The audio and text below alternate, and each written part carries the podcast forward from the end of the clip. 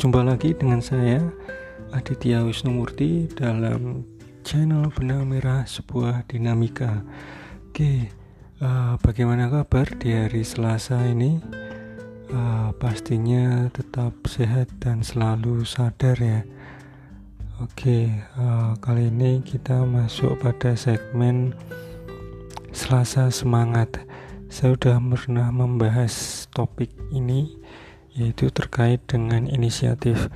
Uh, kali ini saya mungkin akan berbagi uh, kepada teman-teman uh, bagaimana aplikasinya terkait untuk meningkatkan inisiatif kita ya. Terutama kalau buat teman-teman kita buat teman-teman atau anda yang sudah bekerja seperti itu ya.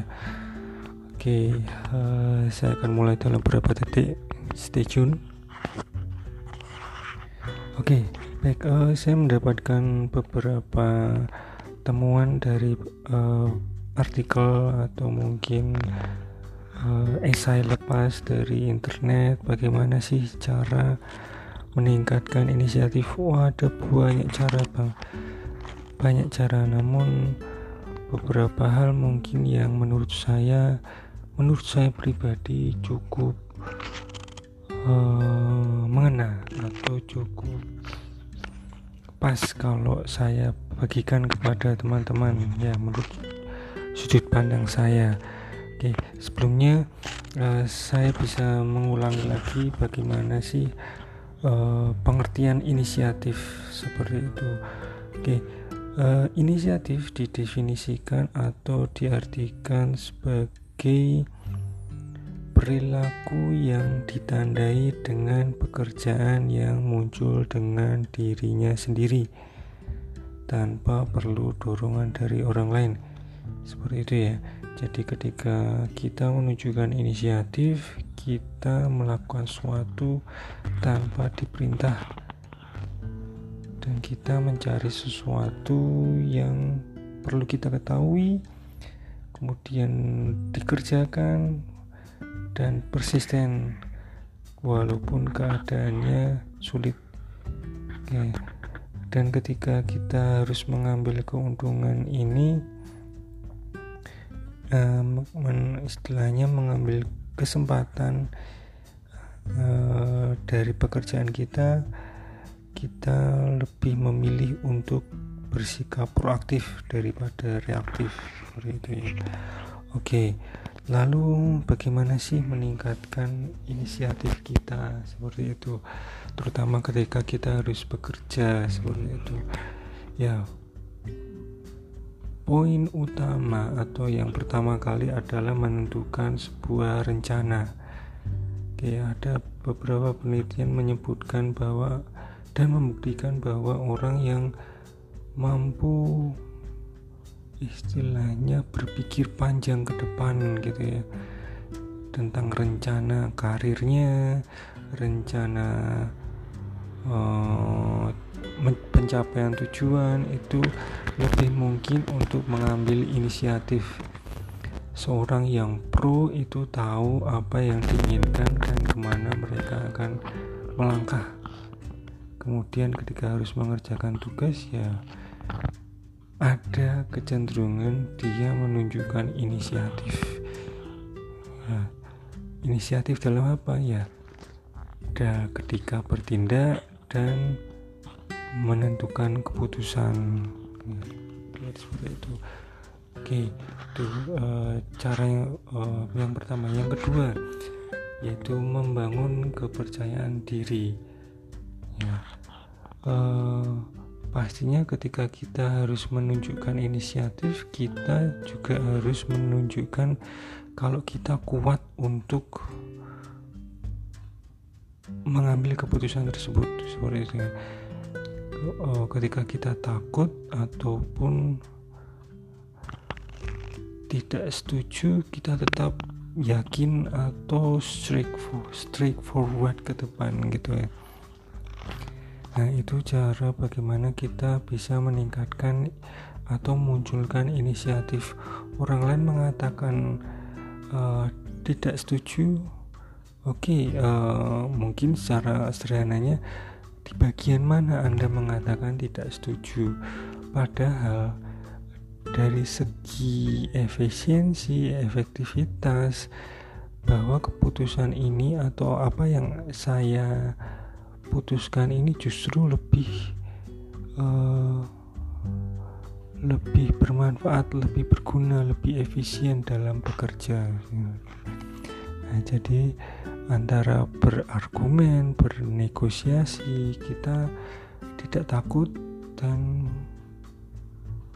istilahnya yakin dengan apa yang kita uh, akan lakukan seperti itu. Oke, yang ketiga, kenali kesempatan dan potensi perbaikan. Nah, seperti itu, uh, mengenali peluang dan mengetahui ketika kita harus memperbaiki sesuatu.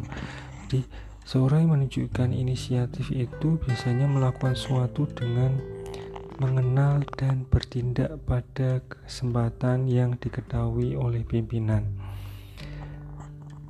Nah, seperti ini, mereka penasaran uh, beberapa hal uh, orang yang seperti ini tuh justru penasaran dengan uh, saat uh, tempatnya bekerja seperti itu dan bagaimana cara bekerja dari organisasi tersebut seperti itu uh, kemudian orang-orang uh, yang memiliki inisiatif itu membuka diri dan mencari peluang atau membuka kesempatan baru. Nah, inilah yang dimaksud dengan bagaimana kita mengenali kesempatan dan mengetahui potensi perbaikan seperti itu ya intinya membuka terhadap ide baru kemudian tahu apa yang diharapkan oleh pimpinan seperti dalam suatu organisasi.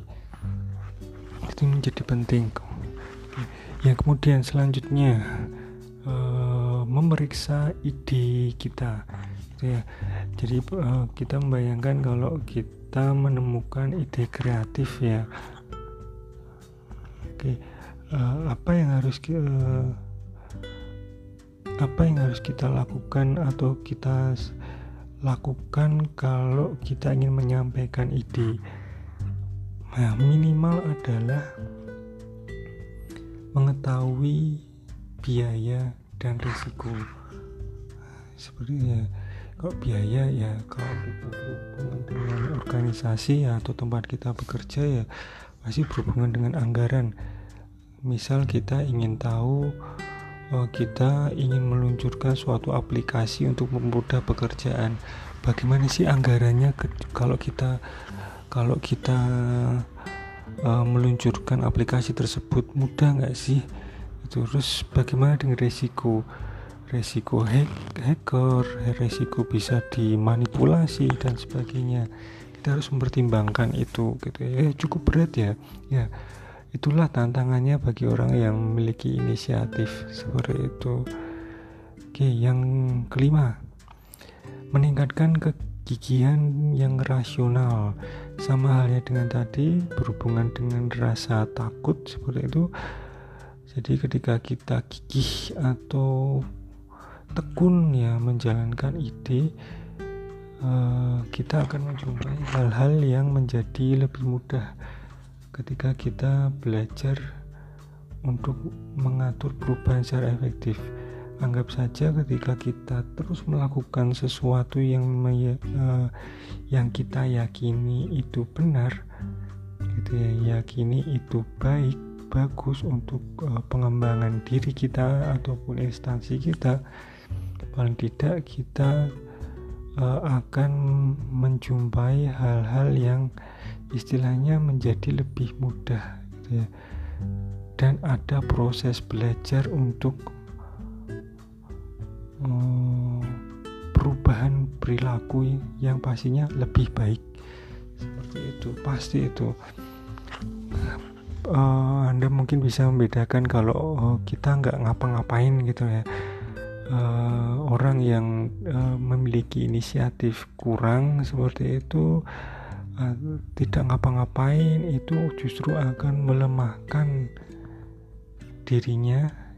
Uh, dia tidak akan menjumpai hal-hal yang mungkin baru bagi dirinya karena mungkin uh, pekerjaannya autopilot hal hal-hal rutin seperti itu. Ketika orang yang inisiatif pasti akan memunculkan keputusan cara kerja yang efisien efektif pastinya akan menjumpai menjumpai hal-hal yang baru yang bisa saja menjadi positif bisa saja menjadi negatif. Seperti ya pastinya itu menjadi proses belajar ya. Seperti itu. Apakah apakah berhasil? Ya itu lain lagi. Itu berbeda uh, konteks ya dengan inisiatif. Seperti itu Oke, yang terakhir adalah menemukan keseimbangan. Baik seperti ini. Uh, inisiatif itu penting ketika kita bijak dalam manfaatkannya. Jadi intinya uh, kita itu belajar meningkatkan atau belajar mengetahui memahami teknik pengambilan keputusan. Jadi semakin kita bisa meningkatkan keterampilan ini, justru semakin baik cara kita untuk menilai ini baik ataupun ini buruk. Nah, ini perlu latihan ya. Perlu latihan, perlu istilahnya digunakan seperti itu. Oke, uh, cara untuk meningkatkan reputasi ini uh, atau meningkatkan uh, inisiatif itu pastinya memiliki kombinasi yang tidak ternilai. Seperti itu. Banyak hal-hal yang uh, konsep mental atau konsep psikis yang justru akan membantu pengembangan diri kita. Seperti itu. Dari uh, inisiatif sendiri. Seperti itu. Nah Pengembangan diri ini membantu kita untuk mengetahui bagaimana berhubungan dengan orang lain. Seperti itu ya. Bagaimana sensitivitas sens eh, sensitis sensitivitas itu dibangun. Gitu ya. Kapan kita mulai mengambil inisiatif, kapan kita melakukan pekerjaan kita dengan melihat dari orang lain seperti itu. Jadi uh, ya balik lagi ke tadi ya bijak ya. Kita punya ide-ide yang banyak tetapi orang lain justru uh, bergerak lambat ya kita sesuaikan dong. Seperti itu. Jangan asal uh, uh, dumeh ya kalau bahasa Jawanya dumeh. Kita punya inisiatif kita wow bergerak. Padahal kita tidak melihat uh, kita tidak melihat kemampuan dari rekan-rekan lain atau bawahan kita. Sehingga yang terjadi apa? Ya ketidakseimbangan ketimpangan. Set, uh, apa ya? Kemampuan kita untuk mengenal emosi dari orang lain menjadi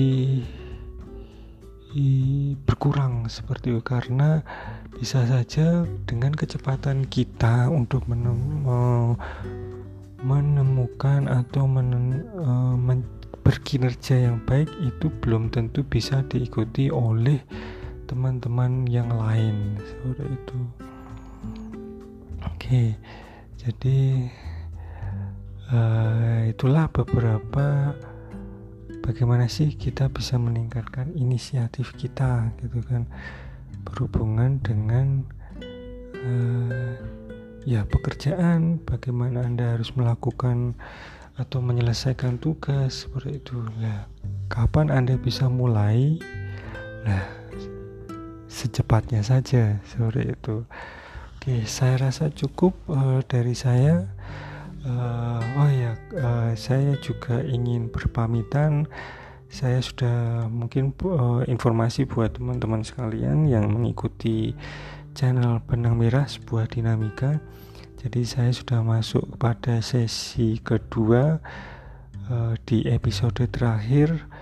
Uh, saya akan rehat beberapa hari dulu untuk uh, upgrade atau update uh, channel saya channel podcast saya di benang merah sebuah dinamika.